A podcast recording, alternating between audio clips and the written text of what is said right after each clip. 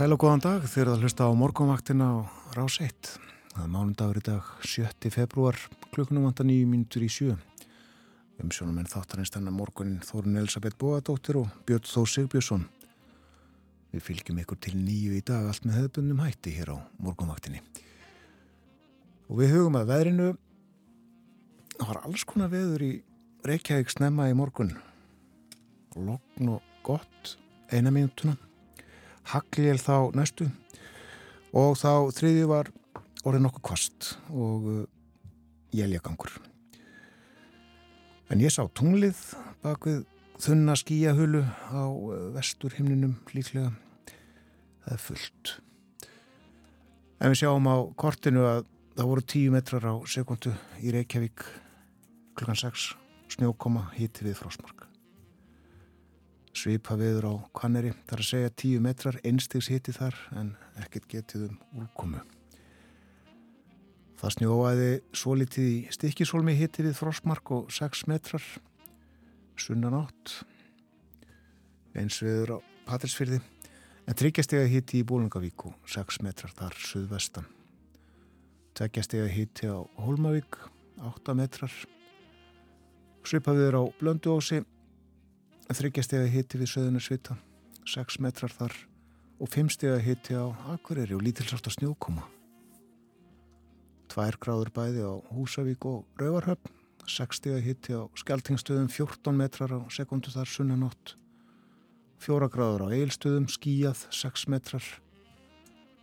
4 stega hitti á Höfni Hortnafjörði og 6 stega á Kvískerjum 9 metrar á báðum veður Tveikjastega hitti og hægur vindur á kirkjubæðaklaustri, tvær gráður líka á stórhuða í Vestmannegjum, 22 metrar þar stormur, söðvestan, fór í 28 í mestu kviðu og einstegs hitti í Árnesi uppsveitum, Árnesíslu.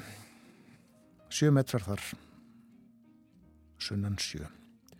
Svona viðræði klukkan 6. Og þá að spáni. Suðvestan 10 til 18 metrar á sekundu í dag og viða jél, engum sunnan og vestan til. Kólnandi veður hitu um frostmark setnipartin.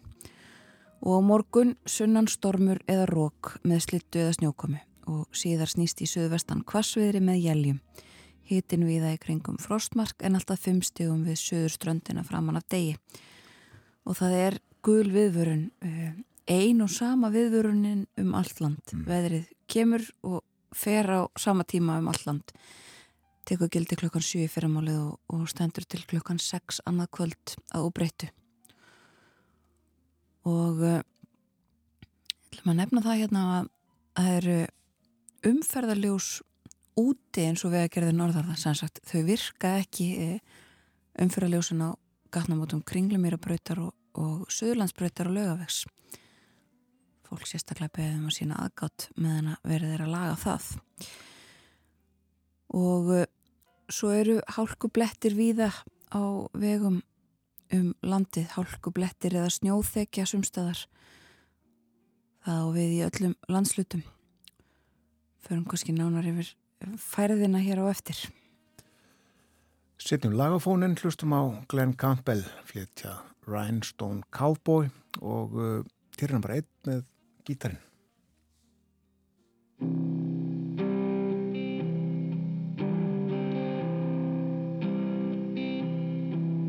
I've been walking these streets so long, singing the same old songs. I know every crack in the dirty sidewalks of Broadway. Where hustle's the name of the game and night skies get washed away like the snow and the rain. There's been a load of compromising on the road to my horizon. But I'm gonna be where the lights are shining on me like a rhinestone cowboy riding on horse in a star-spangled rodeo. Like a rhinestone cowboy. Getting cards and letters from people I don't even know, and offers coming over the phone.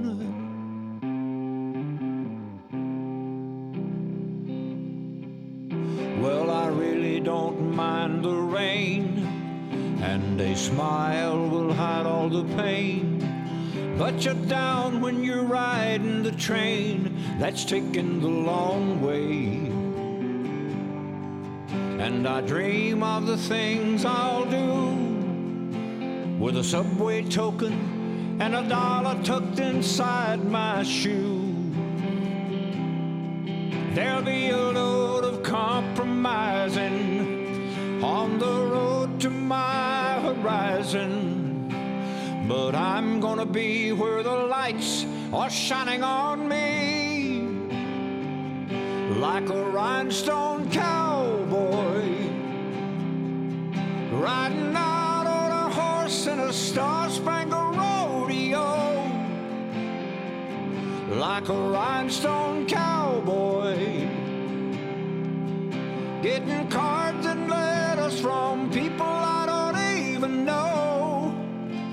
and offers coming over the phone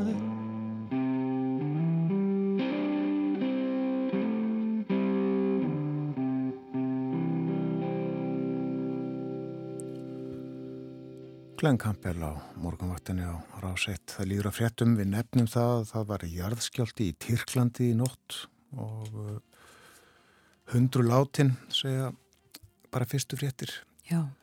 En uh, meira en það líklega í fréttatímanum sem kemur eftir tæra hóla mínúti eitthvað svo leiðis. Eftir fréttinar fyrir við yfir dagskrá morgunvaktarinnar þann morguninn.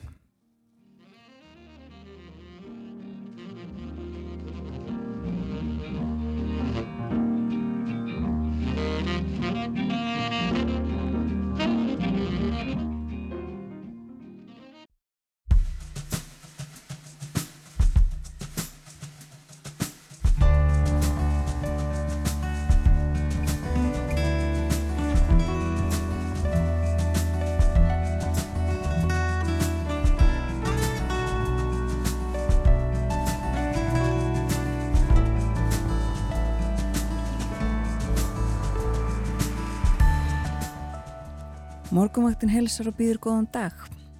Í dag mánudagurinn 7. februar. Umsjónamenn eru Björn Þór Sigbjörnsson og Þórun Elisabeth Bóadóttir. Við komum víða við þættinum í dag. Fjöllum um efnahagsmál í heiminum, þau góðu samtök samhjálp og um kennslu og rannsóknir. Og byrjum á að nefna samhjálp. Samtökin fögnuðu 50 ára afmæli á dögunum. Þau vinna gott og mikilvægt starf. Mart fólk hefur öðlast betra líf með þeirra hjálp. Edda Jónsdóttir, framkantastjóri samhjálpar verður hjá okkur klukkan halv átta. Og eftir morgunfréttinar verður Ásker Brynjar Torfason með okkur við ætlum að draga upp mynd af efnagas ástandinu í heiminum, af verbulgu og vakstahækkunum og líka fjallasvöldið um Indland. Klukkan hálf nýju kemur svo Þorbjörn Brottason til okkar. Þorbjörn var sá fyrsti sem kendi félagsfræði á háskólastíði hér á landi þegar hann námspröyti í þjóðfélagsfræðum var komið á laginnar árið 1970. Hann er líka frumkvöðli í kennslu í fjölmiðlafræði. Við ræðum við Þorbjörnum ferilinn og breytingarnar á samfélaginu á þessum rúmum 50 árum þegar hann sest hérna niður með okkur. Aðeins að verinu, það verður suðvestanátt á landinu í dag og snjókoma. Snjókoma víða þó ekki á norðaustanverðu landinu. Þar verður bjart, bjart með köplum eins og segir í huliðingum viðfræðings. Hlýtt núna á östfjörðum en kólunar þar í dag og setningpartin verður hitti í kringum frostmark. Er svo dreyðu til tíðinda? Já, það eru skörp skil á austurleið sem að ganga yfir landið snemma á morgun. Þau fara hratt yfir og verða á bak og burt setningpartin. Hversir verulega við þessi skil með stormi eða róki í stuttan tíma, segir í hugleðingum eða fræðings. Og auk þess má búast við slittu, snjókomu og jafnvel eldingum. Og viðvörun hefur verið gefin út, gul viðvörun fyrir allt landið og fólki bent á að sína varkárni og fylgjast vel með viðspá. Og svo snýst í suðvestan kvassviðri og þá byrja jél á nýjanleik. Hiti verður viða um frostmark á morgun en nálegt skilunum þá hlínar um tíma. Það verður svo áframhaldandi suðvestanátt á miðugut á fymtudag með jæljum en yfirleitt bjart austanlands og vægt frost og svo, svo á förstak. Já, þá uh, kemur nýlægð. Já, mm. og uh, þá hlínar aftur með þeirri lægð. En sem sé uh, gul viðvörun sem á að taka gildi klukkan 7 fyrramálið um allt land og verður í gildi til klukkan 6 annarkvöld. Ég nefndi það hérna áðan að það er ekkit uh, svo oft sem við sjáum sömu viðvörunina um allt land. Yðurlega er þessu skipt upp að því að það er ekki alveg sömu tímasetningar, ekki alveg eh, sama veðrið sem búist er við. En nú er þetta bara einu sama viðvörunin allt landið. Já. Og við hugum að eh, ástandinu á vegum landsins það eru hálkubletti mjög víða á Suðvestulandi og það er snjóþekja á Mósfellseiði og Sandskeiði og hálka almennt á Vestulandi, snjóþekja líka eitthvað um jæljagang kuvera. Og uh, það er ófært norður í Árnersrepp, uh, Dinjandisheiðin líka ófær og hálka krapi eða snjóþekja almennt á vegum á vestfjörðum, þæfingur og skafreiningur á Mikladal. Og uh, eitthvað um jæljagang á Norðurlandi, snjóþekja eða hálkublettir á vegum og uh, vara við grjótrunni á Siglufjörðavegi og uh, það er líka tekið fram að uh, það verður nokkrum götum eða umferðum nokkrar götur á Dalvik verður já, það verður lokað fyrir umferð og hvers vegna, jú, út af kvikmyndatöku þau eru þarna trúti tektíf fólkið. Einmitt. Dalvik heitir eitthvað annað í þáttunum. Já, og þar eru jólaljós uppi og ímislegt við uh, sáum þetta um helgina í fréttum. En á Östurlandi er greiðfært mjög víða þó eitthvað um hálkubletti og Norðursturlandi líka uh, víða greiðfært með ströndinni. Og uh, á Suðurlandi mjög víða hálkublettir. Og nefnum kannski aftur um, þetta að umferðarljósir eru byluð á gatnamótum kringlumerabrautar og, og Suðurlandsbrautar vegfærendur beðnir að sína aðgáta meðan verður að laga þetta og svo hér einn viðvörun frá vegagerðinni Vegna umhleypinga síðustu daga er tölvörtum að vatn renni yfir vegi víða um land, sérstaklega við ræsi sem hafa stíplast út af krabba. Bent á að fólk uh, hafi þetta í huga og, og sína það gott. Fórsýðmynd Morgonbladsins tekin á skólauristygnum í Reykjavík og á henni má sjá konu á gangi og uh, upplýst hegningarhúsið. Það var líst upp sérstaklega í tegnslu við vetrarháttíðina sem var um helgina. Fjalla líka um uh, veðrið hér á fórsíðunni, kröftug skil ganga yfir landið á morgun segir hér og uh, svo er það heilsan okkar, rættu Guðrúnu Aspelund, sóttvarnarleikni, hún segir að influensa sé á nýðulið, toppi var náð undir lóks síðast ás og uh, það var aðlega A-stopp sem var ábyrjandi, fólk smitaðist af en uh, nú er B-stopp komin á flug. B hefur núna verið að færa sig upp á skaftið, segir hér. En uh, ekki nómið að influensan sé í gangi. Þeir eru fleiri smitt sjúkdómatnir sem að hrjá okkur kórnuveran, RS-veran og streptokokkar. Það fyrir mútið heim og uh, nefnum þá fyrst þennan jarðskjálta á Suður Tyrklandi. Já, gríðar öflugur jæðskjálti 7,8 á starð sem að reið þar yfir upptökin í Tyrklandi eh, nálegt landamærunum við Sýrland og eh, afleðingarnar eh, verstar bæði í Tyrklandi og Sýrlandi það er þó fundi, hann fannst bæði skjáltin og eftirskjáltar víðar eh, nefnt hérna í frettunum áðan til dæmis Kýpur og Ísrael en það eru eh, nokkur hundrumanns uh, látin svo staðfest sé en ótast að mun fleiri hafi látist í þessum skjálta. Það er gríða mikill fjöldi byggingar sem hefur eigðilagst og fólk sem er fast í rústum og uh, nú uh, búið að staðfesta sérsagt yfir 300 döðsföll og 600 að minnstakosti sem eru uh, slösuð í Sýrlandi og tæplega 500 í Tyrklandi. Og þetta er sagt já nálægt uh, landamærum Tyrklands og Sýrlands og Tyrkir hýsa auðvitað rúmlega þrjár miljónir flótamanna frá Sýrlandi. Og einhverjar stærstu flótamanna búðir í Tyrklandi eru þarna nálagt upptökunum. Og verið að já, fylgjast með þessu öllu saman. Þetta var gerðist um miðjanótt rúmlega fjögur að staðatíma. Og og fannst víða það er líka búið að gefa út viðvörun á Ítalíu ótti við það að það komi flóðbylgja að völdum þessa skjálta og það var líka fundist mjög stórir eftirskjáltar og samt sem sagt tekið að byrta og það auðveldar leitað fólki en aðstæður þarna erfiðar á að vera snjókoma í Tyrklandi í dag svo ég fréttum. 7,8 stík Já. Stæsti skjálti á Íslandi jarðskjálti er metin 7,1 stík skjálti ágúst 1784 á Suðurlandi. Við höfum nú ekki mæla þá en uh, áhrif hans voru metin með hlýðsjón af áhrifum skjálta sem að uh, voru mældir eftir að jarðskjálta mælar komu til sögunar Páll Einarsson jarðaðilisfræðingur fjallar en um þetta á vísindaföfnum þannig að þið getur rétt í myndað okkur Já.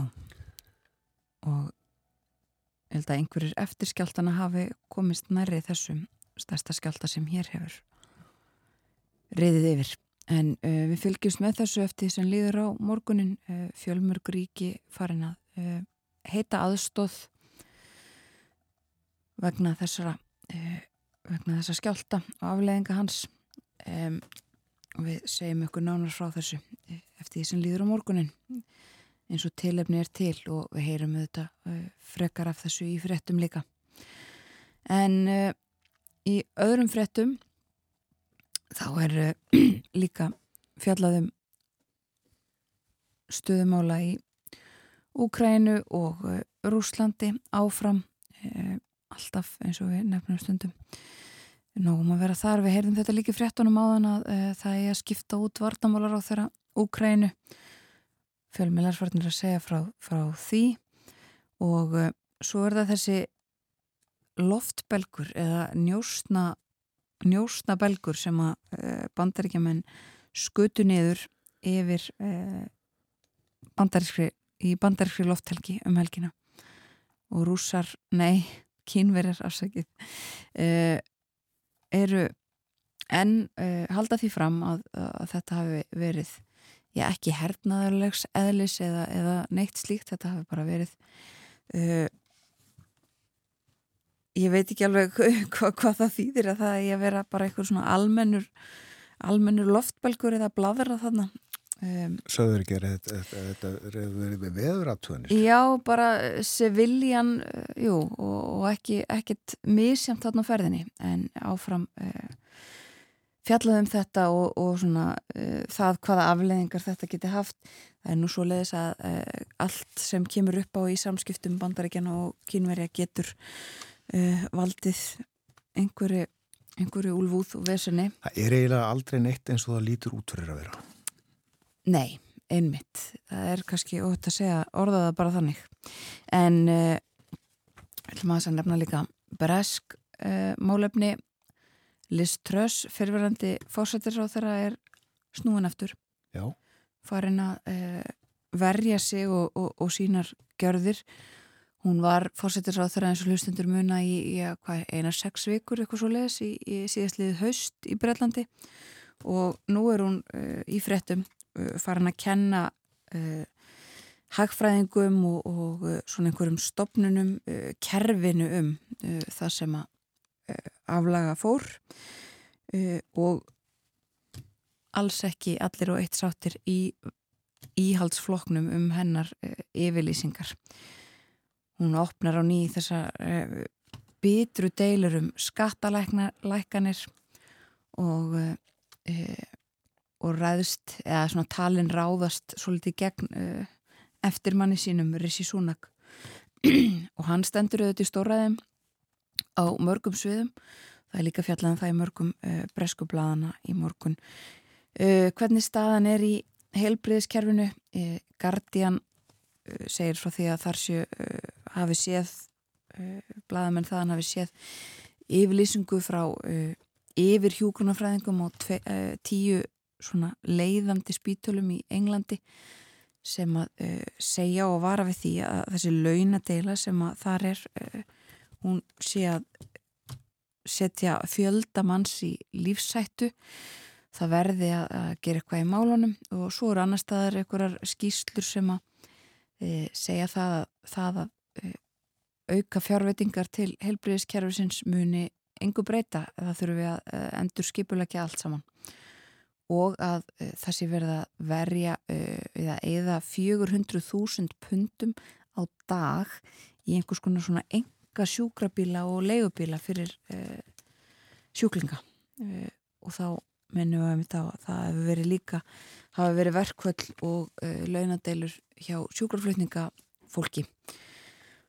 Og fréttir af því ítrekkað að, að sjúklingar komist ekki inn á spítala og fái ekki heldur sjúkrabíla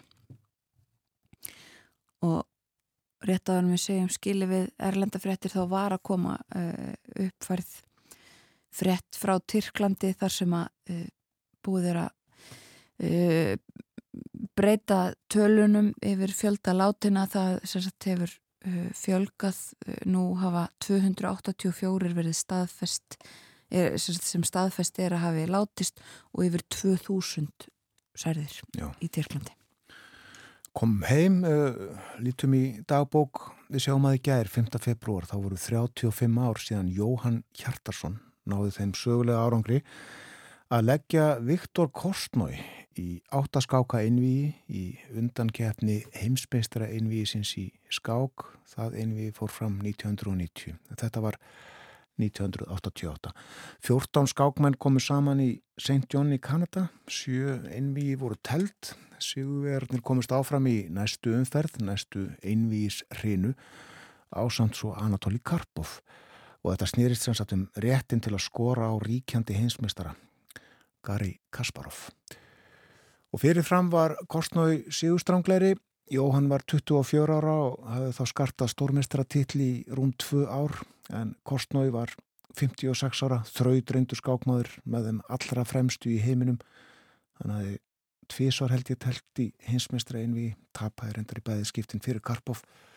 Og það er sagt um Kostnói að hann sé eitt sterkasti skákmaður söguna sem ekki var heimsmestari og Jóhann byrjaði einviði betur lagði Kostnói í fyrstu skákinni og næstu tveimur lög með jafntefni og þá fjórðu vann Jóhann líka og var því bísna vænlegri stöðu eftir fjóra skákir með þrjá vinninga gegnum einum vinningi Kostnóis það þurfti fjóran og halvan vinning til Sigurs.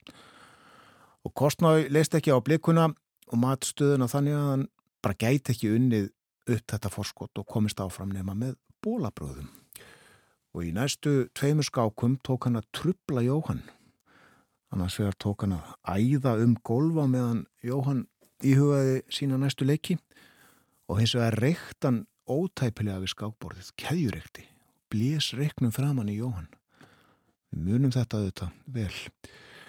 Og uh, þetta hafði tilallagan árangur. Kostnáði sigraði í næstu tveimur skákum og jafnaði stuðuna. Þessi framkoma var auðvitað kærð. Fridrik Ólafsson var með Jóhanni þarna í Kanada, var honum innan handar, einhvers konar talsmaður. Marger Pétursson stórmestari var svo aðstóðamaður Jóhans og Fridriksson satt laðið fram kvörtun eða kæru og yfirdómari einvið sem sprást við og skammaði kostnói, heldur hljóta vera, allavega fór hann að hefða sér almenlega á ný. Og næsta skák, svo sjönda, fór í jæftefli og því ljóst að áttunda skákin, svo síðasta, yrði hrein úrslita skák. Og hún var telt förstu daginn 5. februar, Jóhann hafi svart, telt, telt var uh, katalónsk byrjun, Kostnói leg uh, drotningapöðinu fram um tvo reyti, uh, Jóhann Rittara og Finn 6, fyrir mikið nánar í þá sálma skákinn lög með því að Kostnói fjall á tíma og Jóhann Hjartarsson stóð uppi sem sigurvegri. Og blöðin sögðu frá á fórstíðum daginn eftir, fyrirsögnin hjá tímanum var lagði heims risa og í fréttinni sagði óhættir að fullir það með Sirinum hafi Jóhann uppfyllt draum þjóðarinnar. Með Siri sínum á heims risanum kostnói hefur Jóhann komist lengst íslenskra skákmanna í keppninu um eftir sótasta titilin í skákheiminum. Og morgunblæði rætti við Þorstein Pálsson fósættisráð þeirra sem að saðist vissum að öll þjóðin væri stolt af Jóhanni. Hann saði árangurinn stórkostlegan og saðist vonast til að kynnast þessum hæverska en snjalla manni eins og hann orðaði það. Og morgunblæði saði líka að von væri á Jóhanni heim frá Kanada teimudögum síðar þá er einmitt afmælistagur hans. Hann var sanns að 25 ára þarna teimudögum eftir að hafa lagt kostnum á velli. Og þegar Jóhann var 50 fyrir 10 árum þá rifiði hann einviði stuttlega upp í samtalegu morgunblæðið og hann var spurður hvort kostnöðu hefði ert við hann ósigurinn og Jóhann svaraði nei nei, en þetta er besti kall og mikill Íslands vinnur. Og af framhaldinu í undankeppninni er það svo að segja að uh, Jóhann mætti Karpov í næstu umferð. Karpov sem þrísvar hafði orðið hinsmestari hafði betur einnig í næstu umferðum og hann mætti að lokum Kasparov í heimismestara innvíinu 1990. Kasparov mann. Svona var þessi saga. Við lustum á eitt lag. Hér er Benny Gutmann.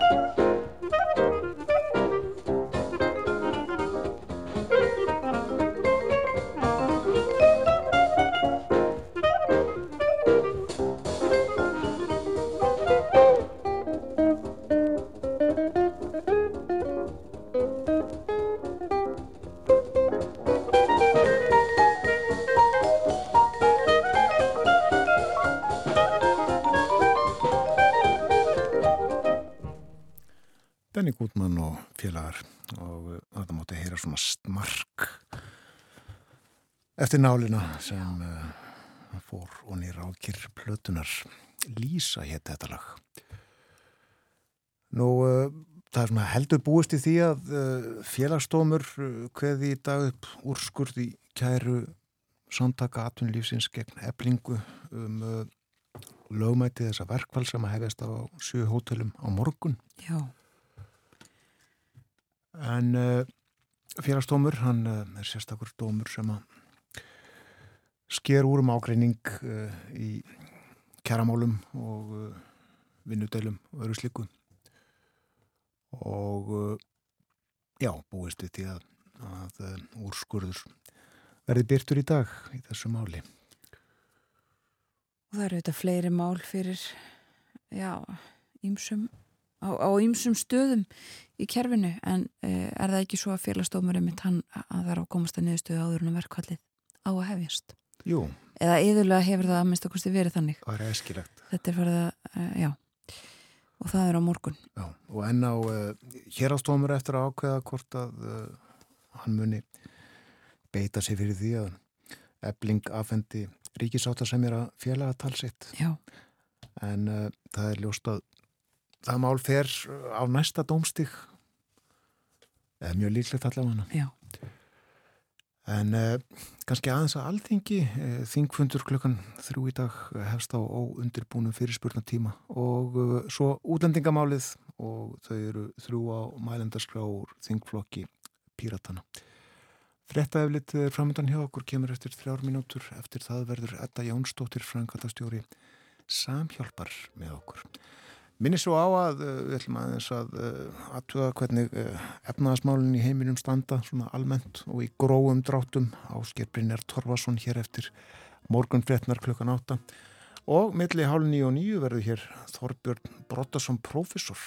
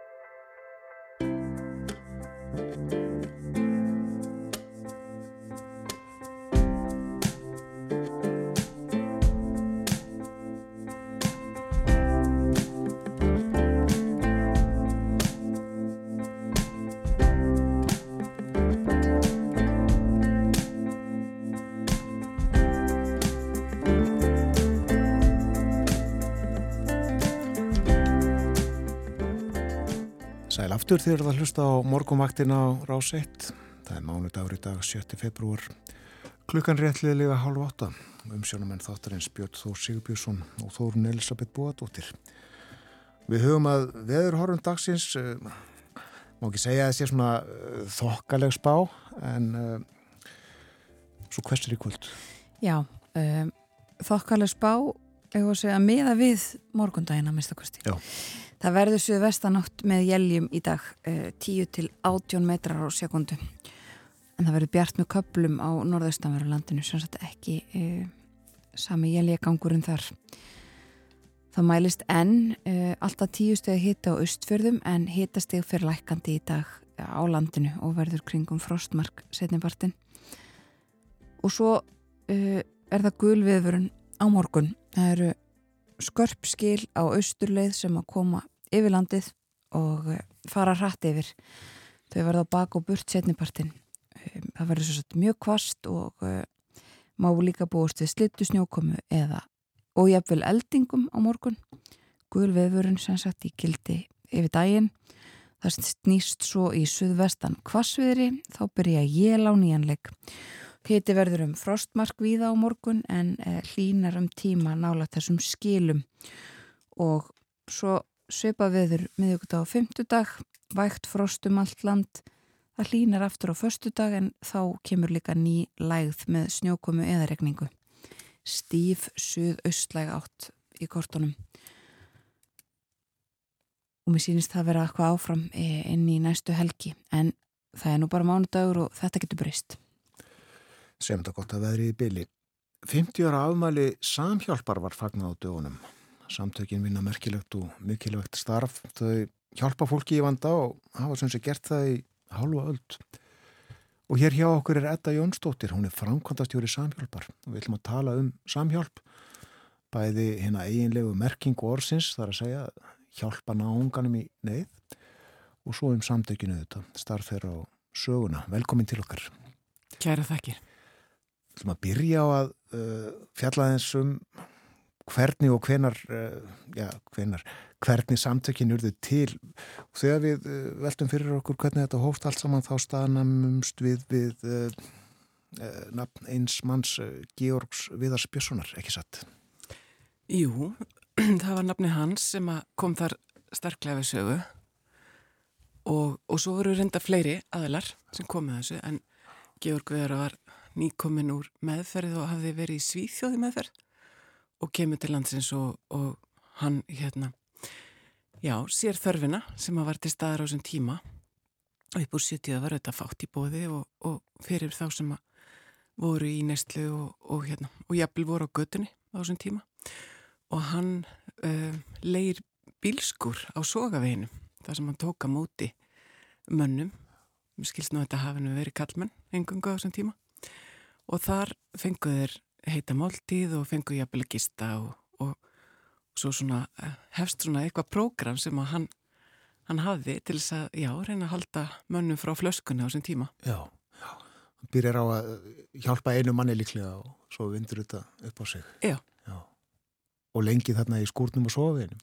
Þetta var nú einhver tíma, um, já, þetta var, þetta var einhver tíma og, og hérna, ég man til dæmis eftir að hafa lesið þetta bladagreinar frá þessum tíma þar sem var að fjallum þetta þannig að fólk svona vissi af þessu greinilega.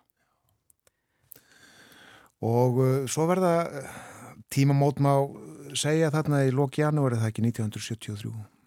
Þá var það tímamót og þá er það sem að uh, Einar Gíslason sem að var uh, prestur og, og starfaði fyrir Kvítasunnsöfnin var til dæla nýfluttur upp á land, hafi uh, búið í Vestmannum en hafi líka mjög sterk tengsl við hafi verið og, og Nóri reynda líka og hafi þar kynst þessum samtökum þar sem að Georgiðar hafi mitt farið í meðferð sem að heit, heita enn LP Stiftelsen og hann hafi svona áhuga á að koma sambarilegum samtökum á legg hérna á Íslandi og um, hann ákveður þarna á 50. ammálinu sinu í staðin fyrir að þykja gafir að byggja fólkum að gefa til samhjálpar og það sapnaðist þarna daldi peningur og, og svo var gerð söpnun líka bæði í Svíþóðu í Nóri meðal kollega hans og það sapnaðist heilmikið. Þannig að þetta var svona tala um þetta hafi verið svona eins og bílverð þannig að þetta var hérna nóg fyrir útborgun sem að var gerð hérna árið eftir 74 því að e, þá er sem sagt hlaðgerakott um, keift sem er í Mósestalunum og þar var sett á stopn meðferðar heimili Já, og uh, það er ennþá starrakt. Það er ennþá starrakt, var opnað hann að 7. júli 74, þannig að það er 50 ára á næsta árið þar Einmitt. Segðu okkur svolítið frá uh, starfinu á hlaðgerakoti. Lagerkoti þá, þetta var svona sett þannig bara uppalega að opna svona sem, já, bara heimili fyrir, fyrir götuna menn og um, í raun og veru er þetta ennþá kalla meðfrar heimili þannig að það hefur verið skapast þarna bara svona svolítið heimilisli stemming og henni verið við haldið alla tíma og í dag er þetta búið byggja þarna bara upp mjög faglega meðferð og þarna sérfræðingar sem starfa og um, en þetta er pláss fyrir svona um 30 manns, það eru sagt, eitt svona kvennahús og annað kallahús sem er ör, örlítið starra heldur en kvennahúsi og svo er nýbygging sem að reist þarna uh, upp úr 2015-2016 var hún opnuð, opnuð og hún tengir saman þessar tvær byggingar. Og það er hérna hænsnarækt meðal annars og, og hérna þau sjáum sjálfa að hérna það eru náttúrulega sækja þar egg á mótnana og þetta er svona mjög heimilislegt. Og gunguferðir hann í grendinni og, og svo er þetta bara unni út frá tólsporunum og svo bara, já eins og segi svona fagli meðferða sem er byggt á því að, að fara í gegnum eða fólk situr upp með áföll og slikt Og þetta er langtíma meðferð Þetta er langtíma meðferð, það er miða við þarna að fólk sé minnstakosti þrjá mánu mm. og sumi dvelja lengur það er alveg til dæminu að fólk sé þarna til þess að það er jafnvel halvt ára, jafnvel lengur. Já. Og hvað það fólk að byggja lengi eftir því að, að koma stað þarna? Er ekki langur bygglisti þarna eins og við annars þar í þessu kerfi? Jú, það var nú nefnt á, á rástefnu hérna, S.A.A. sem var svona samstagsar ástefna fólks í þessum geira fyrir stöttu síðan þá var þetta kallað landbyðlistana en þessi byðlisti sem við erum með hann er nú svona, já, um fólk ringir inn gerðan daglega og letur vita af sér og þá færist það nú upp listan. En við erum ekki með afvötnun þannig að við erum í samstarfi mitt við S.A.A. og landsbytalanum um afvötnununa fólk, fólk þarf að koma til okkar og vera þá um, ekki næstlu lengur þegar það hefur meðferð. En, en þetta er svona já, við erum með hérna pláss fyrir 30 við erum að taka móti svona uh, um og upp úr 100 manns á ári þannig að Ég átta mig ekki alveg á svona meðferð, áfengis meðferða kerfinu í landinu, átta mig eiginlega ekki á því hvort það er yfir höfuð eitthvað kerfi, sko hvað ræður því hvort að fólk fyrir meðferð hjá ykkur, hjá samhjálp, hlaðgerðarkoti eða, eða hjá S.A.A. til dæmis? Það er nú svona kannski grundalar hugsun í þessu kerfi einmitt að, sem ég vil meina til sér til, Já. að það er, þurfa að vera val fyrir fólk og það þurfa að vera ákveðin fjölbreytni í í hérna, meðferðar úrræðum, bara eins og í, í öðrum úrræðum, að fólk hafi svona, já, geti leitað á, á mismunandi leiðum og um, það er náttúrulega, margir hafa sagt frá því að hafa kannski farið í gegnum þetta kerfi og svo allt innu kemur þessi meðferð sem að breytir einhverju og fólk næri lóksins bata þannig að það án eins og þetta sé eitthvað fjölbreytni í sig en, en hérna það eru þetta uh, sumir sem að fara bara í aföfnun og og svo líkur þeirra meðferðin aðeins sem þurfa lengri meðferð og svona langtíma úrraði og þá er eins og okkar meðferð í búiði og hún er í búiða fleiri stöðum. Mm. Má þó segja að ykkar úrraði sé fyrir fólk sem er í, í sko mesta vandan? Já, það svona, sumir hafa sagt það en, en, en ég, sko, það er kannski erfitt að segja. Ég held bara, þetta er auðvitað meðferð fyrir þá sem að eru tilbúinir að taka sig þennan tíma og vinna virkilega úr og þetta eru auðvitað kannski ef að maður er að koma jafnvel uh, já, sömur er náttúrulega bara koma sína fyrstu meðferð sem kom í lækir okkur en aðri kannski búinir að fara einhverja ringi og þá er þetta náttúrulega bara að gefa sig þennan tíma þrjá mánuði það er bara eins og við öðrum sjúkdómum að þá þurfum við stundu tíma til að vinna úr Já mm. Og svo er hægt að koma til meðferð líka í Krísuvík, alltaf séu fleiri staðir sem standa fólkið í búa, veistu það? Já, svo er þetta mitt að sá á og, og landsbytælin er með úrræði líka. Já, en áhugavert annars að, að uh, þessar meðferðir, áfengis meðferðir eru meirið að minna á, í höndum frjálsra félagsamtaka. Já, það er nú kannski þannig með þannig súkdóma að, að þetta er nú svona, svolítið svona að mörguleiti svona grassrötar reyfingar sem að hafa bara náða á getis árangri. Og það sama má segja, ég menna við bara skoðum eins og bandaríkin, ég menna þar er þetta stopnarnir eins og Betty Ford Hazelden sem er kannski svona sambarileg við, við hlakirakot á mörguleiti Já. þó þau séu þetta með svona miklu viðtakar og starri stopnun En þið veitir ekki bara meðferð, þið, þið hjálpi líka fólki eftir meðferðina, starf ekki áfangaheimili. Já, við erum með sérstatt meðferðarúræði sem er svona framhalds svona eftir meðferðarúræði í kjölfar meðferðar í hlækjarakoti þannig að það skilir þið að hafa lokið meðferð í hlækjarakoti til þess að koma starfinn og það heiti brú. Og þar eru svona uh, átjan einstaklingsýbúðir og fólk getur búið þar alltaf tveimur árum meðan það er svona komið til þessu fótunum. Það er mjög virt svona eins og við kallum program þar, þau daglegi fundir og sérfræðingar í svona eftir meðferð sem að halda þar utan. Já. og það skapast líka ákveðið samfélag meðal þeirra sem búa þar. Þannig að það er líka svona stuðningur og mikil styrkur fyrir fólk og þau gera svona ymslegt saman og fara eppil saman á aðfundi og fleira. Og mikil ásókn í þetta? Já, það, þannig er alltaf byrlisti líka Já. og um leið og einn íbúið losnaða þá er hún gerðnan fyllt Landbyðlistana, já. Já. já. Við erum svona að fara yfir, yfir starfsemina, starfið hjá samhjálp og uh, við þurfum auðvitað líka að nefna kaffistofuna. Þið gefur fólki að borða. Við gerum það og kaffistofan er, hún var opnuð fyrst eh, 1981 í svona einhverju mynd, það var nú bara opið svona kaffileiti í tvo tíma og þá voru svona lágu blöðin frammi og fólk að fengi sér kaffi og eitthvað með því. En svo fljótlega þá voru far, farið að gera tilrunni með svona súpukvöld og það kom í ljós að það var vaksandi hópur fólk sem þurfti á bæði þessum félagskap en líka hérna svona mat að halda og, og svo þróast þetta þannig í dag er opið á kaffestunni alla dag ársins og það er opið hjá við sem sagt fariðum okkur í að vera með morgumat og hátíðismat það hefur svona gefist vel því að það er náttúrulega þeir til dæmis sem að fara í gistiskila á kvöldin þeir fá að borða þar, það er opið frá fimm. Þannig að við erum svona að kannski dekka svona þennan tíma það sem er lokað í þeim úrraðum en svo auðvitað er þessi hópur orðind alltaf fjölbreyttar núna heldur en var kannski þegar þetta var opnað fyrst. Já, hverju komaði maður til ykkar? Núna er það er svona kannski bara fleiri sem að getum sagt kannski svona jæðarhópar í samfélaginu. Eh, það geta verið, geta verið fólk sem glými við fátætt af mismunandi ástæðum og svo höfum við líka verið að sjá í auknum mæli fólk að verlendu uppröna sem að geta verið þá umsækjendur um alþjóðlega vend sem að geta þá, þeir eru þá jafnvel koma tímabundið með þeir eru svona komundis í fótunum. Þannig að það er svolítið reyfing í þeim hópi kannski uh, einn hópur kemst inn í kerfið og þá kemur annar í staðin og svo er eitthvað af, af flóttafólki og svona fólk sem hefur þá réttastöðu flóttafólks.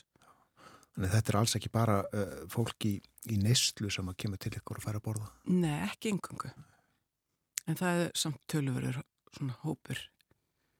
En þetta er svona voða fallet samfélag þarna. Kemur bara fólk saman og, og brítur fröði í, í fylstu vinsamt og jújú, jú, þetta kemur ímislegt upp á en það er svona að mestu leiti er þetta er svona bara mjög fallet samfélag og Vistu hvað margir koma til ykkar á hefðbundum degi? Já, það er alltaf 350 sem koma á dag. Og þá sérstaklega á sunnutöðum þegar það er loka til dæmis eða hjálpræðsætnum sem er með sambaralett úrræði, þau eru með opið á virkundum og, og uh, hjá okkur er, já, sundum svona mest en, en auðvitað alla aðra daga það er svona alveg frá svona 200 upp í 350. Já. Alltaf nóg til fyrir alla sem þurfa?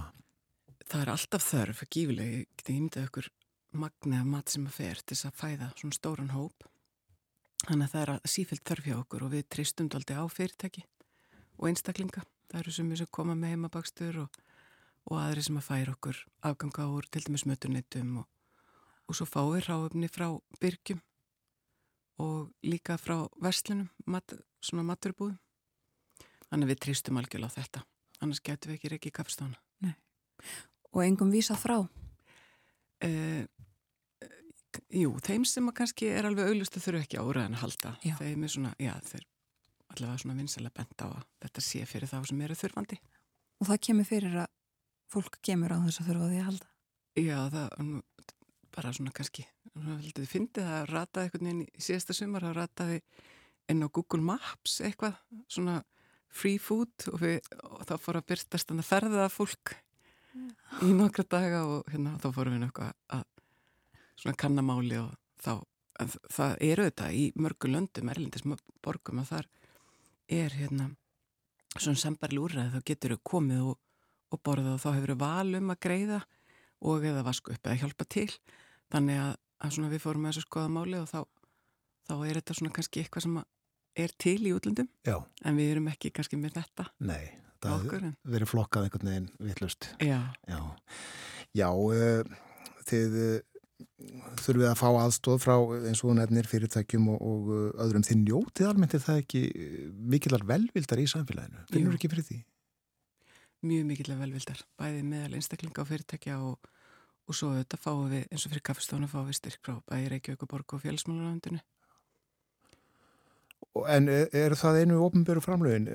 Renn ekki einhver ofnböru framlög til starfsins á hlaðgerarkoti? Jújú, þar eru við með frá helbriðsrándinu Já Þannig að þeir eru ekki algjörlega háð fólki, góðvild fólks. Nei, og, en, en það er svona, ég myndi segja með kaffestónu, það eru þetta, það eru orðin svona mikil fjöldi og það eru aukið svo mikið að undarferðinu að það er bara í raun og veru ef að við værum ekki, sagt, ef við neytum ekki svona mikil að góðvilda meðal fyrirtæki og einstaklinga þá, þá gætu við ekki reykið þetta í þeirri mynd sem við gerum. Nei. Segðu okkur þetta, uh, hvernig finnst þér Íslands samfélag búa almennt að uh, fólki í neyð? Já, þetta er stór spurning. Já, það er, ég get náttúrulega bara sagt kannski út frá okkur hjá Samhjálp að, að hérna, það er náttúrulega sjáu við, það er, fólk kemur með, til dæmis eins og nýru á kaffestofu með fatnað og, og, og við höfum getið þá gefið áfram hlýjan fatnað og jafnvel skófatnað og það, fólk er að koma með fína flíkur, dún, dúnulpur og, og fleira og eins og segi, fólk er að koma með heimabakstur og Þannig að ég myndi segja að það eru margi sem sína þessa samfélags ábyrði verki. Það er eins og sumurinn, það eru ákveðin hópur veiðimanna sem að kemur með aflan til okkar úr, úr veiði ám og, og í fínu kassum og, og hérna tristir ég annarkost að sumir koma og segja, herði ég vil þetta fyrir hlagjara gott, aðri koma og segja endilega setið farið með þetta inn í kaffestofu. Það eru aðalega sem koma fyrir jólinni í kaffestofu og koma og spurja hvað vantar svo fara þær að kaupa og koma með dreklaðan bílinn og þannig að mér finnst þetta svona það sem við sjáum er bara mjög mikið svona kærleikur og, og svona frumkvæði mm. Bæði á einstaklingum og fyrirtækjum Já, en það er mikið stólað á einmitt góðvild fólks Já, mm. það er það og, og hérna já, maður kannski svona þetta orð samfélagsábyrði svona freka nýtt í umræðinu en, en en kannski þarf líka svona emitt, svona græsartastarf og svolítið hugsun til að sinna þessum hópi. Já, og eins og nefndi þá týðkast það mjög víða um heiminn. Þú nefndir Einar Jó Gíslason á hann. Uh, eru mjög náinn tengsl millir samhjálpar og kvítarsvunnu safnaðarins í landinu Fíladelfíu eða fleiri safnaða? Uh, þetta var uppaflega þegar, samhjálpa sett á stafn, hétt þetta samhjálp kvítarsvunnu manna eins og segi þetta voru kvítarsunum menn sem komið á stofnunni og var einni konar sem heitir Guðmynda Guðrún Sigurðardóttir sem var bústuð á njálskutinni sexbarna móður sem að syndi þessu fangastarfi sem við hefum haldið svona svolítið í heiðri sem er að færa til dæmis föngum jólagjafir fyrir jólinn og, og einni páskak um páska þannig að, að þetta er svona eins og segi, þetta er svona fólk sem að hafiði hugssjón og, og sáhópa sem að kannski aðrir bara tóku ekki eftir eða, eða sá ekki og, og, letu ekki þar við sitta heldur, letu verkinn tala og, þetta hefur, já, bara haldist allar gottur síðan. En í dag eru samhjálpur ekkið bara sem félagsamtök og um, er ekkit neitt háðninum öðrum þannig en, en við náttúrulega njótum bara stunni eins og góðvildar. Já. Hvítasunum manna sem og annara í landinu. Já, já, já og fólk almennt uh, duglegt við að styrkja ykkur uh, þau þurfu peninga á þetta líka ekki bara mat og, og úlpur Já, við þurfum það og við, þar eru við með vini samhjálpar sem er vaksandi hópur fólks sem að greiðir mánalega til samtakana og það er eins og segið það er þetta, þegar það er sífælt þörfa þá er líka sífælt fjárþarf og svo erum við með öflugt svona fjárbluna starf líka seljum auglýsingar, erum með útgafu og og það eru selt merki og pennar og, og slíkt. Allar, allar leiðir farnar þannig séð. Já, já. algjörlega. En vinni samhjálpar eru, já, stóru vaksandi hópur og, og það er, er okkur mjög mikilvægt og erum mjög þakklátt fyrir þann hóp. Já. Er eitthvað á döfinni hjá samhjálp? Það er alltaf eitthvað á döfinni hjá okkur. Þau eru þetta nýbúin að fagna þessu halvraðar afmæli? Já, við ætlum að halda því áfram á árinu, við ætlum að halda ammælis rástefnu í haust og, og svo er þetta okkar árlega kótilettu kvöld sem er líka svona stort fjárblina kvöld það er í óttabur og það er mikið fjör við ætlum að reyna að hafa það svona svolítið stort í ár þannig að verið, það var uppselt núna síðast þannig að við ætlum að reyna að hafa svolítið starri sál pláss fyrir fleiri.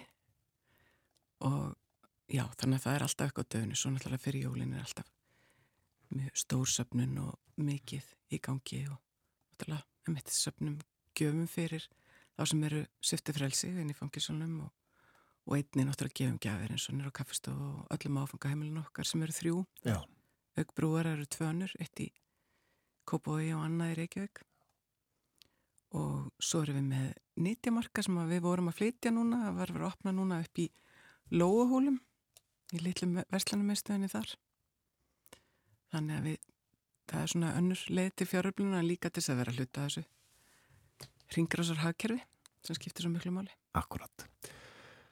Þakkaði kellaði fyrir að koma til okkar. Edda Jónsdóttir, frangatastjóri Samhjálpar. Gjara þakkir. Tilefnið uh, Samhjálp 50 ára. Mikið og mikilvægt og merkild starf sem að unnið er hjá Samhjálp. Það líður af frettunum. Uh, eftir þær verður áskeiprinar Torfarsson hjá okkur. Við ætlum að fjalla þess um efnahagsmáli heiminum.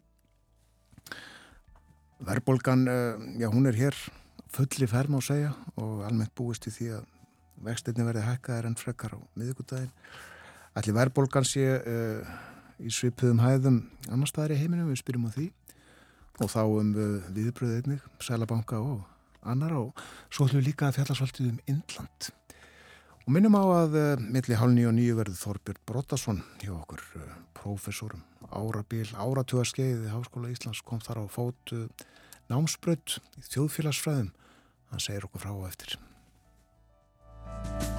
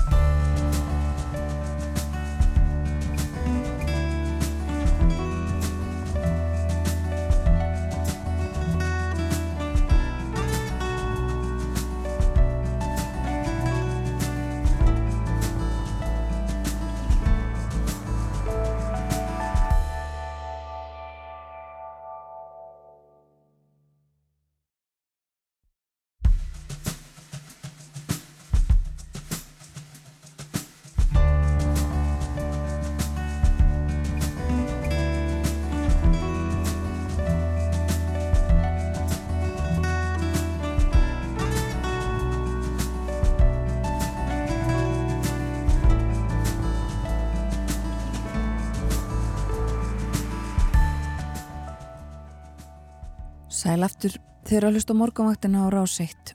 Klukkan er tæpar 6 mínútur gengin í nýju og það er mánudagur í dag, 7. februar. Hér áðan var hjá okkur Edda Jónsdóttir, frangatustur í Samhjálpar. Saði okkur frá uh, starfseminni þar, viðtæk starfsemi sem að hjálpar fólki sem að áþarf að halda. Mikið fólki í neyð, já. Mm. Fólki í neyð, uh, fólki sem að meðal annars á ekki í neyn önnur húsa venda, fólk sem að uh, dvelur í gistiskilum á nóttunni og hefur atkvarf á kaffustofu samhjálpar á daginn. Og uh, það er ekki síst mikilvægt á veituna í kuldanum og vondaverinu. Og uh, við heyrum það í fréttunum áðan að það er verið að skoða það að uppfæra gular veðurviðvaranir sem eru gildi fyrir morgundaginn í appelsínu gular það er sem sagt að skýrast eftir því sem nærdregur nákvæmlega hvernig þessi uh, lægð kemur yfir landið hvenar veðrið verður verst hvar? Og maður búistu því að það verði uppfært sem sagt þegar líður á daginn. En það er allavega uh, vond viður í kortunum á morgun og svo kemur nýlagð á förstu daginn verður svona eitthvað aðeins skára þarna inn á milli. Eldingar nefndar Já, í vonda viðurinn á morgun uh, það má gera ráð fyrir eldingum. Og það er enn þannig að uh, það er viðvörun frá vegagerðinu um þessi umferðaljós, það lítur nú að uh, vera orðið töluvert vera þegar ástandið uh, eftir því sem líður á morgunin þegar uh, bílunum fjölgar. Þau virka ekki umferðaljósin á gatnamótum kringlumýrabröytar og, og laugavegs og suðurlandsbröytar og vegagerðin byður fólk sérstaklega sína aðgótt það er verið að reyna að laga þetta. En annars svona að grænka á uh, kortinu fyrir umferðina það er greinilega verið að móka þar sem þarf og, og gera vegina greiðfærari en borga sig að skoða samt uh, kortið og, og tilkynningarnar frá vegagerðinni nú ætlum við að fjalla um efnagasmál, efnagasmál í heiminum. Áskiprinir Torvarsson, sérfræðingur í fjármálum er komin til okkar. Góðan dag og velkomin. Góðan daginn. Sko verðbólgan jóst hér á Íslandi í janúar og það er almennt búist við megin eða, eða stýri vaksta hækkun á miðugudaginn mm -hmm. en uh, Hvað er almennt að gerast í heiminum? Er verðbólgan enn að vaksa og vextinnar að hækka þessu hér? Já, já og nei. Það, það, er, það er ekki einfalt svar við. Bæði Evrópski og Breski selabankin hækkuðu um halva prósentu í síðustu viku á fymtægin. En þar er samt verðbólgan uh, á niðurleið. Uh, þannig að það, var, það voru viss vonbreið að hún var áfram og uppleið hér í janúar. Það, það, hún fór meira niður á Evrosvæðinu þegar janúartölunar komið þar heldur en markaðinir höfðu búist við þannig að, að, að það, er, er, er svolítið vond að það sé að gliðna á milli er, hún er að fara meira upp en með byggust við hér hún er að fara meira niður en með byggust við út í Evrópa En uh, vextirni þar engu að síður hækkaðir? Já, en þú mannst menn voru komnir upp í að hækka ég vel um 75 punta, þrjá fjörðu eins og það uh, og eru núna að tala um hálft prósent en jafnvel í bandaríkjunum sem er núna vantanleg að þar verði hækkunin ekki hálft heldur jafnvel bara fjörðungur og prósentu. Þannig að, að uh, markaðnir, ef maður skoðar þá, uh, það er annars vegar það sem Sælabankarnir segja og hagstofunar um áallanir en síðan það sem markaðnir búast við. Að það var í síðustu viku mjög svona bjart sín þaðan meginn frá eins og að toppnum væri náði eða nánast náð þannig að nú færi þetta alltaf fara niður og við og við værum ekki að fara að hækka meira eftir þetta nema kannski einu enn í Evrópu Breskibankin sagðist ég vel vera bara komin að toppnum við erum að tala þar um að, að, að hún sé 4% styrvextinir, þeir eru 2,5 í Evrópu, þannig að þeir fara kannski upp í 3 þar Bandaríkin eru að hafa nálgast fimm núna ef að þeir hækka um fjörðung. Þannig að þetta er svona grófa myndin. Og þetta er ekkit fjarrir tölunum hér?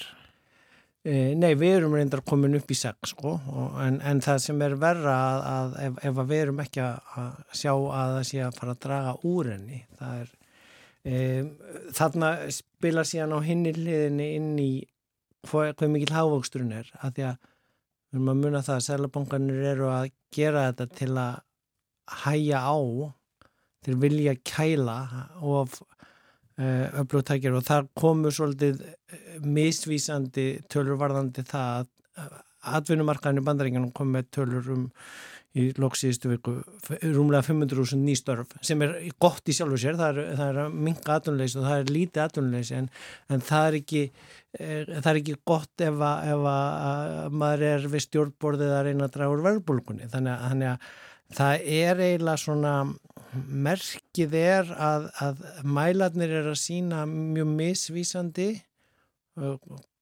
gömlum meginkenningarnar og einföldur líkönin eru ekki að virka í að ná þessu niður eh, og, og maður verður í raun og veru að vera að skoða bakgrunnstölur, grafa sjóan í gognauplýsingar og síðan eiginlega já að vennjast því svolítið eins og bara um veðurlýsingunum minna sko, við vitum ekki alveg hvort það er gul eða epsingul, hvort það er um alland eða sumstaðar hvort við erum rétt fyrir ofan frostmarkið eða neðan það. E, þannig að, þetta er eiginlega ástandið í verðbólgu stöðunni um heiminn. En, en ef maður lítur á þriða þáttin sem er þá svona hvað ríkiskuldabrefa vextinir eru, það er að segja hvað markarinn álítur þar, að þá er þú veist, þýsku, í, í síðustu viku þegar að það kom þó hálf prosenta hækkuna, þá voru markarinn samt glæðir að þeir töldu nú eru að komast að toppnum, þannig að bæði hlutabrefa markar og skuldabrefa markar tók vel við sér.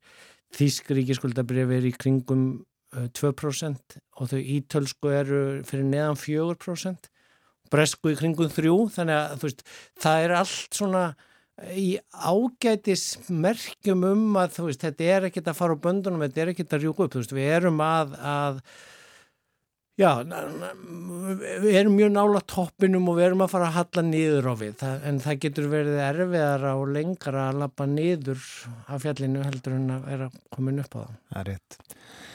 Eh, við hefum nú séð ímislegt í efnaðasmálum eh, bara síðustu hundra árum eh, svo við höfum nú svolítið rúmt tímabil undir. Mm. ég skilst að hagfræðingar, fleiri sérfræðingar klóri sér í kollinum yfir ástandinu núna. Þetta sé mjög óvinnilegt Já, það, það er að því að heyrði var að fara að fagna ammali félagsvísindana á eftir með Þorbjörni að, að það er náttúrulega viss vandi hagfræðinar að hafa ætlað sér að reyna líkjast raunvísindum og geta að reikna allt út upp á punkt og prigg en, en mannfólki hafa sér ekki eins og fyririldi eða, eða frumeindir í, í, í hérna, eh, einhverjum kvikukjörnum sem að jarfræðingarnir geta mælt og, og, og metið heldur, já, það gerast allskynns uh, hlutir og bara jáfnvel það að einhver loftbelgur hvort sem hann er nú með veðuratjónir eða myndavilar eh, fíkur eða flígur yfir Ameríku og er síðan skotið niður að þetta hefur mér sé áhrif á fjármálamarkaðina alþjóðaviðskiptin, samskipti Kína og bandaríkjana sem að, já, spilar inn í eins og, eins og sko Uh, já, uh, og getur haft síðan áhrif yfir á, á, á, á allt efnaðslífið. Kína náttúrulega kifti bandarísk ríkiskuldabrif og, og, og dró áfram efnaðar heimsins í sínum uppbyggingarfasa síðustu svona 20 ár, eða rúmlega það 30 ár. Uh, núna er það, já, bæði út af bara fjölda fólks og, og þeir voru með þannig einspatsstefnuna fyrir nokkrum áratugum og núna er ljóst að þeir eru ekki að vaksa sem samfélag lengur og uh, líka orðnir, já, það mikið af samfélaginu komið yfir í borginnar og, og launa hækka og þá fer ekki að vera eins ódýrst að framlega þar og þá flist ég vel uh, ja, hluti aðunlífsins til annar landa í kring og, og uh, og, og þeir verð ekki þessi aðili sem sérum þá að halda niður í e, kostnæðinum fyrir ríkiskuldabrið vandrækjan til dæmis og að e, e, ja, halda vöruverðinu lágu með því að bjóða fram út eftir vinnu og þá leitar viðskiptalið við annað. En, en, en á hinbóin að þá náttúrulega já, þarf að framleiða allar vöruna fyrir allt fólki í Kína sem að fluttu úr sveitinni í borginnar þannig að það er út af fyrir sig stort hagkerfi í sjálfu sér en það er ekki þessi vakstarkraftur sem að vex hraðar en hinlöndin sem er að vaksa hægar. En alltíðavæðingin hefur að hluta uh, flægt málinn Já, flægt uh, og náttúrulega dreyið 100 miljón ár fátækt en líka búið til aukna mengun og, og Já, við erum að sjá að, svona, að þessi uh, skipting á milli okkar vestræni ríkiheimur og, og, og þróunalöndin að við erum að sjá uh, stór lönd þann vera komin upp og miklu nær okkur. Kína er 1,2-3 miljardar fólks og uh, bara uh, efri hlutin þar eða millistjættin og efri er stærri markaður en bandaríkin sem eru 300 miljónir eða evrópski markaður sem eru 400-500 miljónir þannig að, að uh, já, við erum að horfa fram á í alþjóðavæðingunni svona breytingu þannig að það er ekki lengur bara þetta norður Allandshafs uh, svæði okkar heldur, heldur já, Asia og, og Indland náttúrulega sem er hluta af Asju eins og það talið. Þa, þar eru tvö lönd sem eru yfir miljardum manna, tvö lönd sem hvortum sig er starra en, en Evróp og Bandaríkin. Þannig að það er að breyta alltjóðavengunni algjörlega. Svo eru þetta margir kraftar að verki við höfum, sælabankana með sína raðgerðir við höfum, ríkistjórnindar, mm. svo höfum við markaðina eins og það er kallað og það er ekki endilega allir sé að rói sem átt. Nei og, og sko það sem að kannski þetta var náttúrulega byrjað en, en það sem við náum aftur yfir núna er náttúrulega í, í uh, heimsfaraldrinum að þá eiginlega kom svona sem við talaðum sem ytra áfall eða, eða sagt, sjokk á kerfið um allan heim samtími sem var svona, ja, það er ákveðin járskjálti eða, eða pröfa á kerfið og, og þá brúðust löndin svo sem mismunandi við eh, eh, bandarækjumenn og brettar fórum ekki í það bara í, í svona nánast hernaðlegum aðgerðum að þróa sínlif sjálfur Evrópusambandi fór í að þróa lifin líka í samstarfi við Afríku og nákvæmlandin. Indland varð mjög stort framleiðsluland á lifin. Kína þróaði sín eigin lif og framleiði þau og uh, fengu síðan sína bylgju aðeins sittna þegar við erum nú að rifja upp á sundarskvöldum. Þannig að þeir, þeir eru að komast út úr sinni síðustu COVID-bylgi núna en þá er líka hafkerfið að fara í gang og fullu þar eftir. Það dróða aðeins úr því og dróða þar með úr uh, hafastinum en, en, en þetta er uh, já, þetta, þetta er í mjög miklu umróti og, og, og verðbólgan þar að auki að gera hlutina erfiðar og flóknari við að kljást já Ég, þið voruð að segja frá í morgun fréttir frá Breitlandi það eru, eru verkföll og verðbólgu vandi á mjög mörgum stöðum sem að já, kallar á erfiðar aðgerðir frá stjórnvöldum og, og selbankum. Þannig að, að, að við, erum, við erum hérna ekkert komin út á eitthvað lignansjó eða út úr viðvöruna viður ástandinu en, en, en, en það er samt svona kannski eins og markaðarnir lístu í farið að sjást svona ljós við endan á gungunum að vonandi fari hún að lækka í lok, lok ársins eða byrju næsta árs. Gott, gott. Þú nefndir Indland á þann, förum að til Indlands og veltum fyrir okkur stöðum álu þar. Já, það er e, e, búið að vera svona í svolítinn tíma á dagskrá langa að skoða það, svo reyndar rauk það inn í viðskiptafréttinar í heiminum í síðustu viku.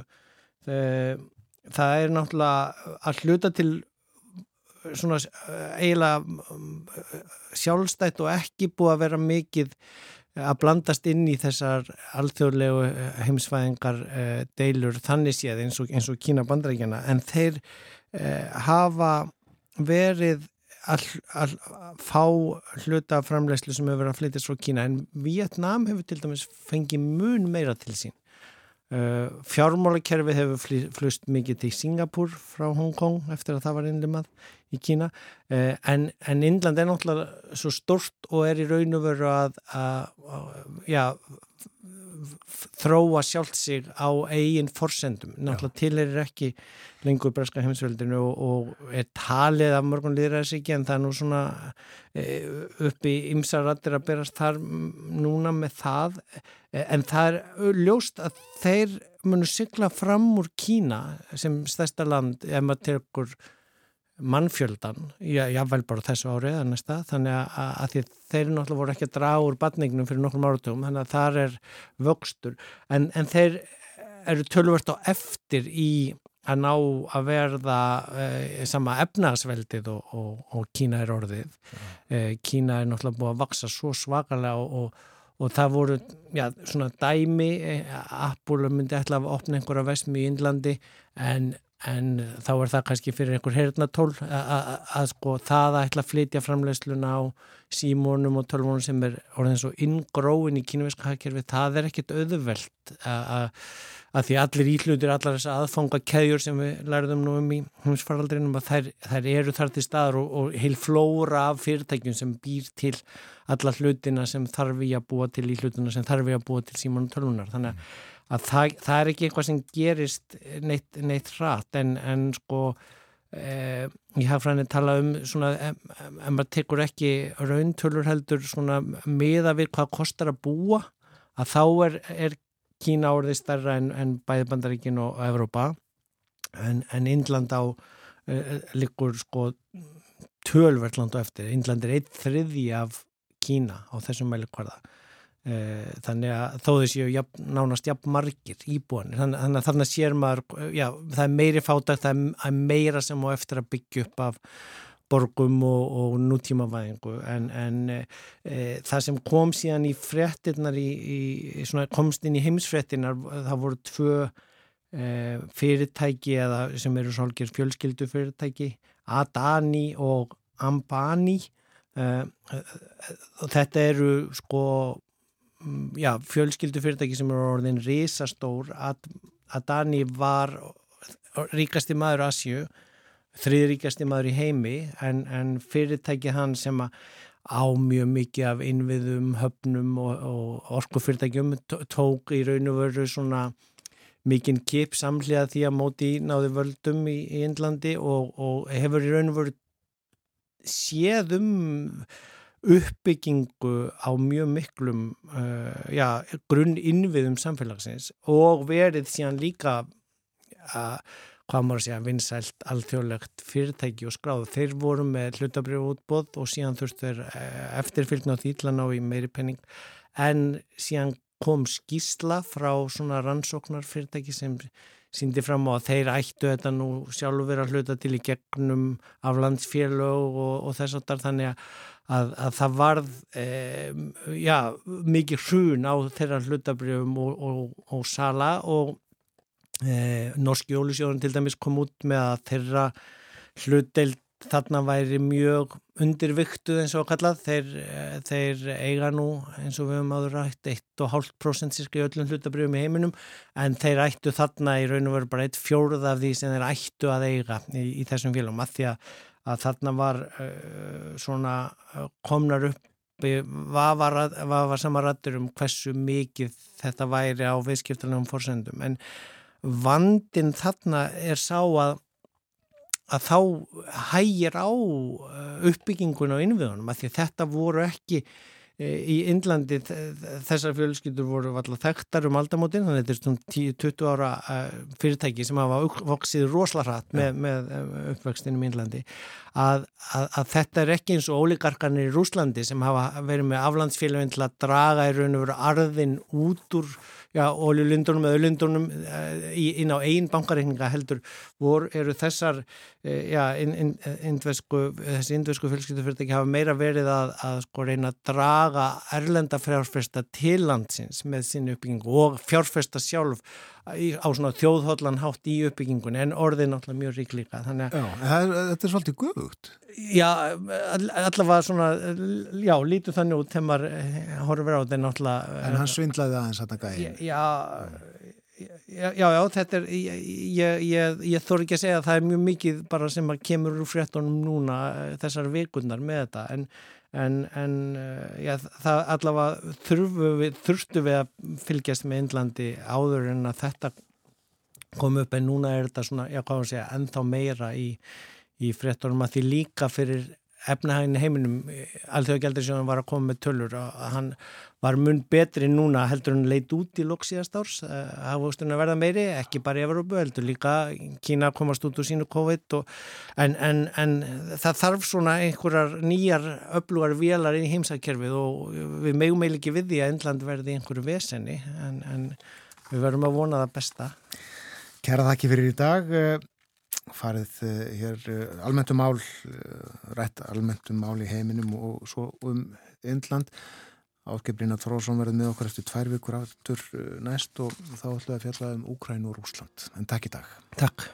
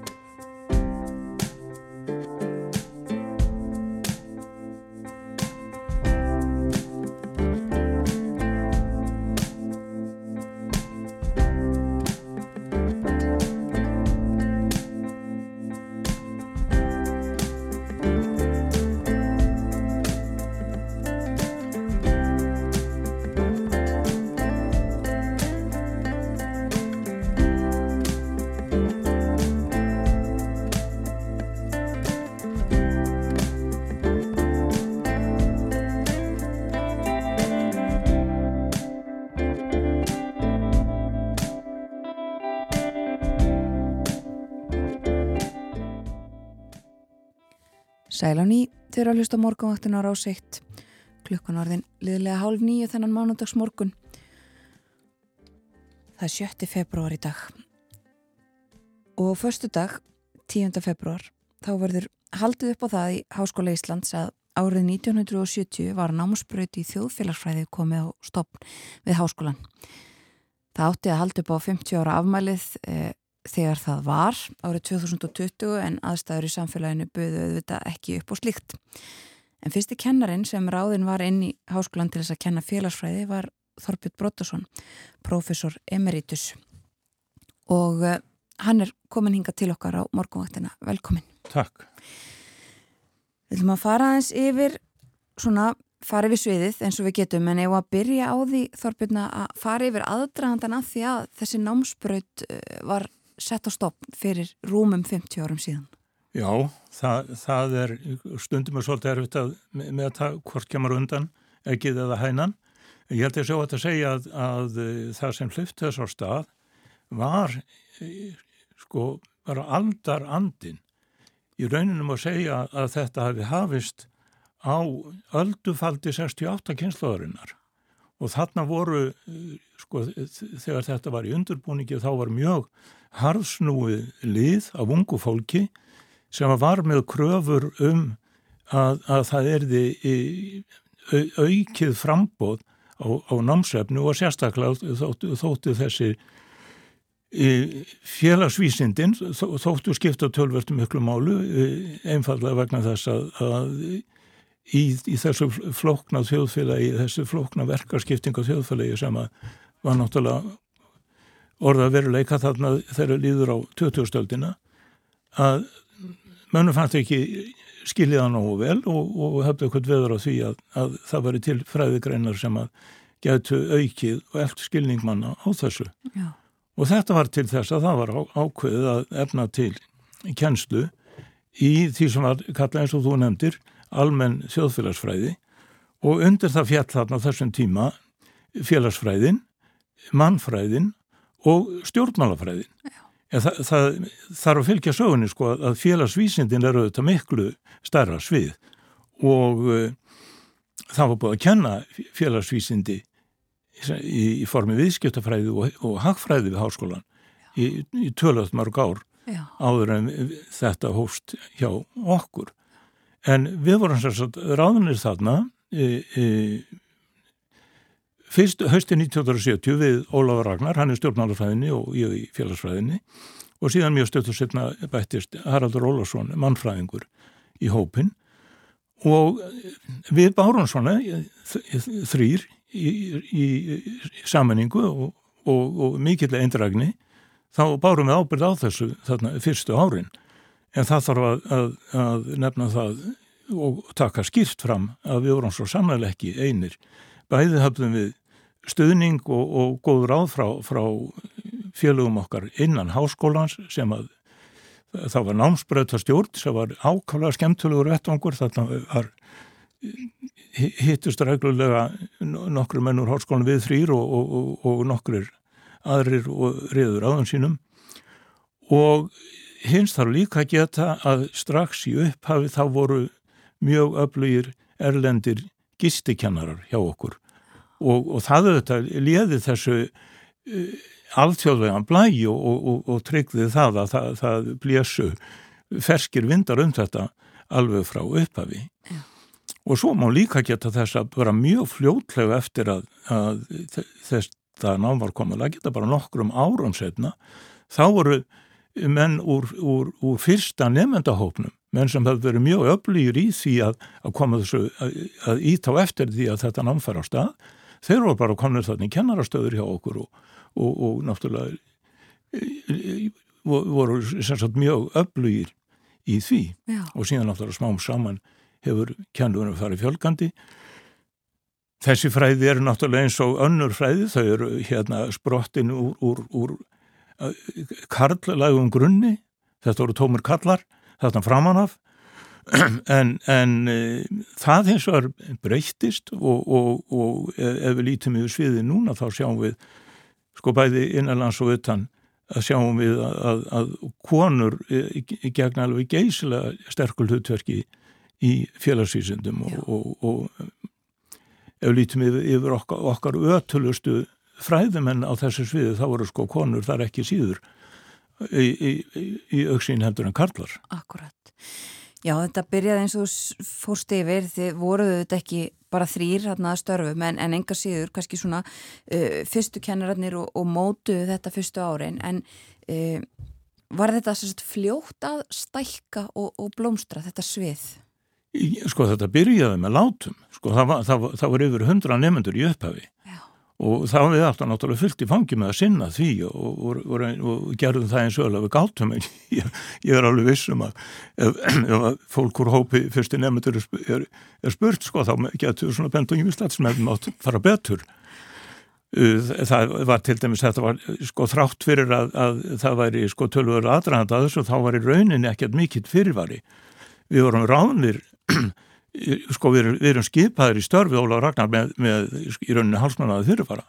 Við, við bara tök, tökum þarna til við kjænsluna eiginlega bara um leið og, og við erum ráðnir. Þannig að undurbúningur var takmarkaður, bókakostur var mjög fátækla örunum bara að segja það alveg svo er það var fátæklegur og, og, og einhlýða en þetta allt sem reyndum við náttúrulega reyndum að, að, að bæta úr þessu eftir, eftir fengum. Já, og komuð þarna, þú varst, varst þú ekki bara að koma heim úr námi sjálfur, eh, jú, framhaldsnámi? Jú, það má segja það sko, ég, ég rauninni svona, má segja þetta að það verið fullt stemt fyrir mig sko, því ég kem þarna, ég er rétt að ljúka mestarprófi út í Svíðu og þegar þarna komið sögu og ég kem bara, bara, bara beint úr, úr, úr því námi og, og, og þeim rannsóknum sem ég var að stunda þar Já.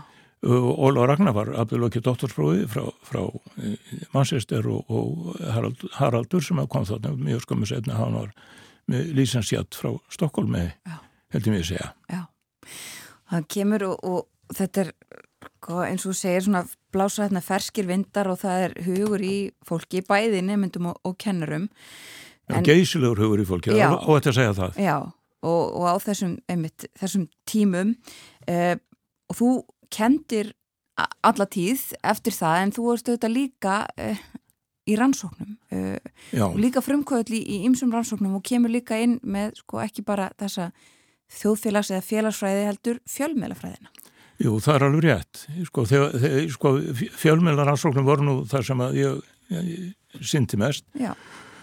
Og, og svona fyrstu árin þá var nú ekki mikið umræðsóknar hjá okkur sko, því að það, það við höfum mjög nógu öðru að snúast. En, en þegar kennunum fór að fjölga þá uh, gæti ég svona meira svona einbett mér að fjölmiðlunum. Ég, ég kendi alltaf námskið í fjölmiðlafræðu og smám saman hlóð þess á dötan á sig þannig að við vorum komin með stopnum til aukagreinar í fjölmiðlafræði um miðjan nýjönda áratvín og, og uh, það tengtist náttúrulega þess, þessum rannsóknum sem ég var að sinna ég veit ekki hvort þú vilt að ég segja hvað aðeins frá því sko að það, það er, er hófast hannig að, að, að ég fekk hópa af ungmennu til þess að stóra hópa af ungmennu til þess að svara spurningum um, um fjölmiðla notkun sína.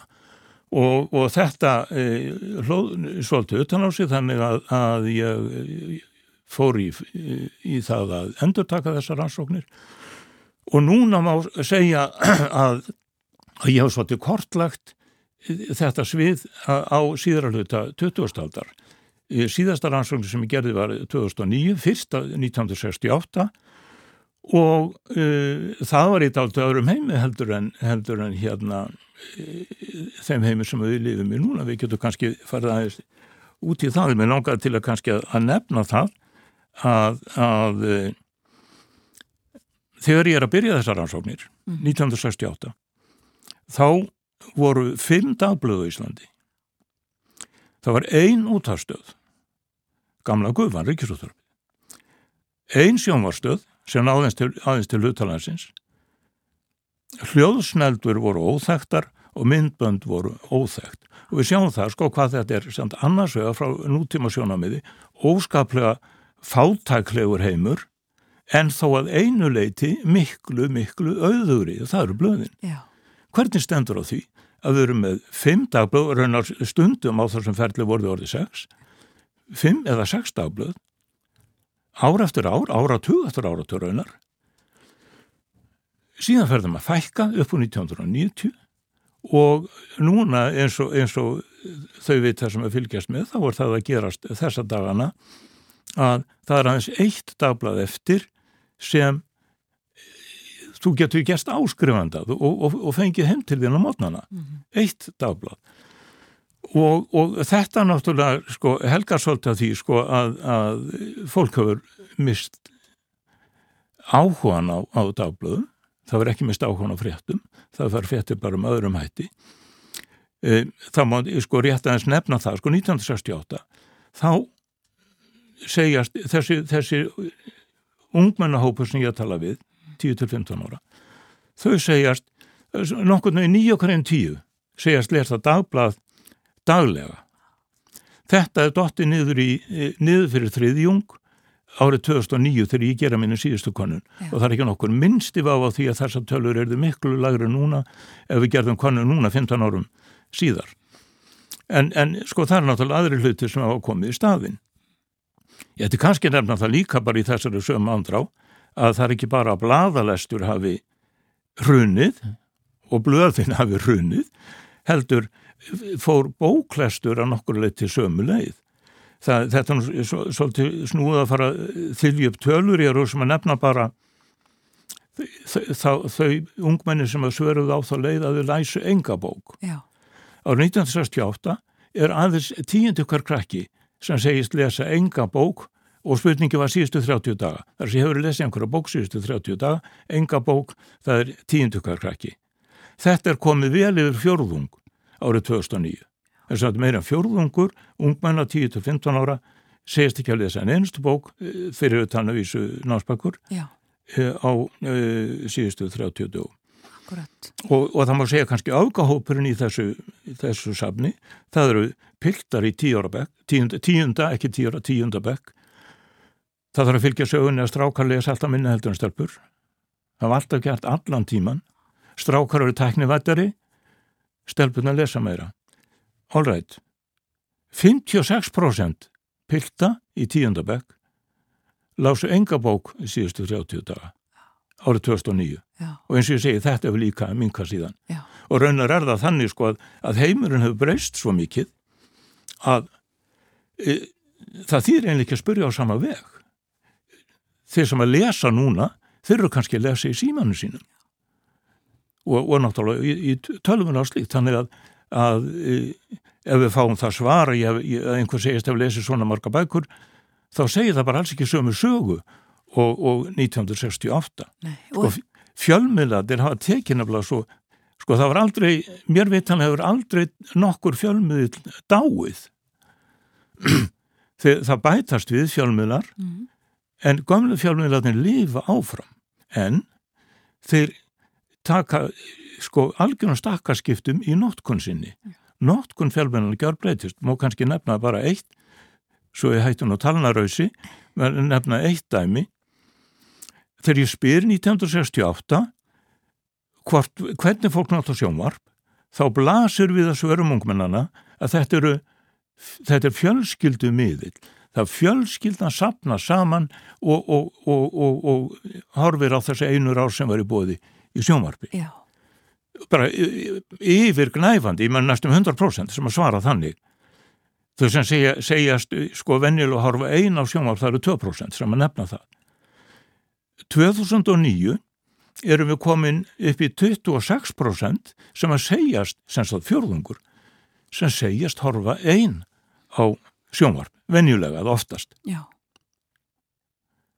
Og þetta er líklega einn af þeim fjölmörgu hlutum sem að líka væri breyttur ef að konunir er gerð í dag. Þetta, jú, sko bara, þetta segir okkur að sjónvarpið er bara ekkert sami miðill mm. og það var sko félagslega síðan, sko sem félagslegt fyrirbæri hefur sjónvarpið tekið bara alveg grundvallar breytingum. Akkurat. Og það náttúrulega eins og við vitum sko að, að, að mér, mér er að segja svona hér, hér gamlingjarnar svo ég sko, ég er farin að horfa á, á, á hliðraða dagskrá. Ég lengi vel gæti ég líki hugsa mér að horfa eitthvað sem er ekki línulegri ég meina, mér fannst einhvern veginn vera, vera bara búið eða, sko, ekki passandi, en, en nú er ég bara býtið á jæslinu og stilli bara á, á hliðrunalu híklaust þetta þýðir líka sko fjölmiðlinn er orðin sko allt, allt annað fyrirbæri. Já. Sko það, sko rétt aðeins að nefna, sko þarna 68 þá segast 90% horfa með foreldrum á sjónvarp. Þetta kom nýru 17% 2009 og, og sko eins og enn, enn og aftur öruglega ennþálæra núna sko, sko þetta, þetta sýnar okkur sko, hví lík stökkbreyting hefur, hefur orðið fyrir utan náttúrulega að við erum með hundra rásir, ekki, ekki bara eina. Já, akkurat. Og þessar þjónustur sem eru ekki beinilnis rásir heldur bara einmitt hliðuruð dagskrá alltaf, já.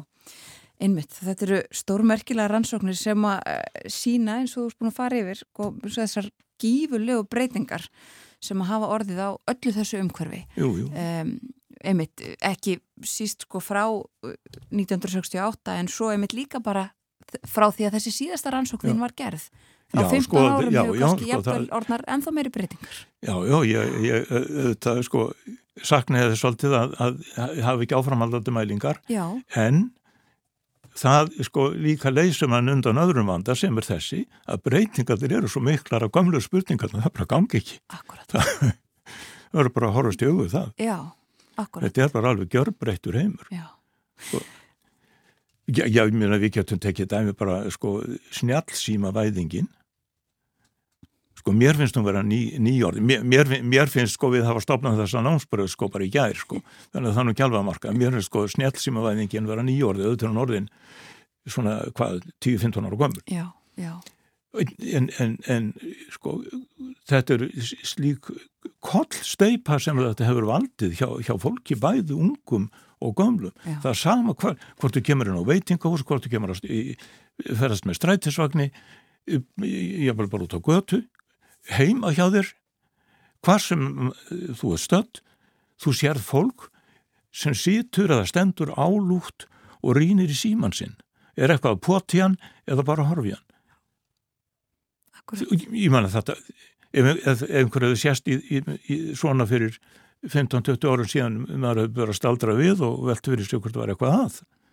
Nú, núna eru bástala allir í þessum spónu. Snjálfsímari eru í höndunum og öllum. Ég spurði sko um farsímeg, það var svolítið skemmtilegt. 1997 þá nátti nánast engin krakki 10-15 ára farsíma.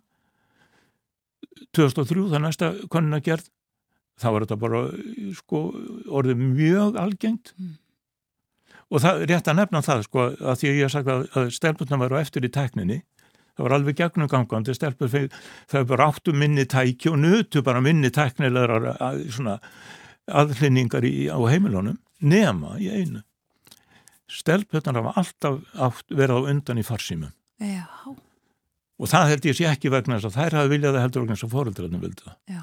Já.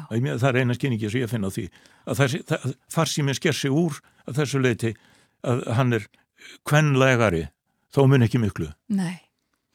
Sko Þorbjörn, þú ert búin að fara svo litið í þessu, sko þetta eru svona þínar þessar langtíma rannsóknir sem að segja okkur ímislegt um þjóðfélagi sem við búum jú, í og á jú, þessum tíma. Jú, en mér langaði mig líka að spyrja þig og, og ræða aðeins um sko e, félagsvísindin og, og samspil þeirra við þjóðfélagið og, og það hvaða áhrif þau hafa haft á. Uh, eða markað spór á já, þessum tíma? Já, jú, ég, sko félagsvísindin er, eru sko, hvað var að segja, þau eru áreitin og tröflandi á svolítið annan hátt heldur en ég segjum náttúruvísindi og jáfnvel í rauninni sko bara flest önnur fræði já.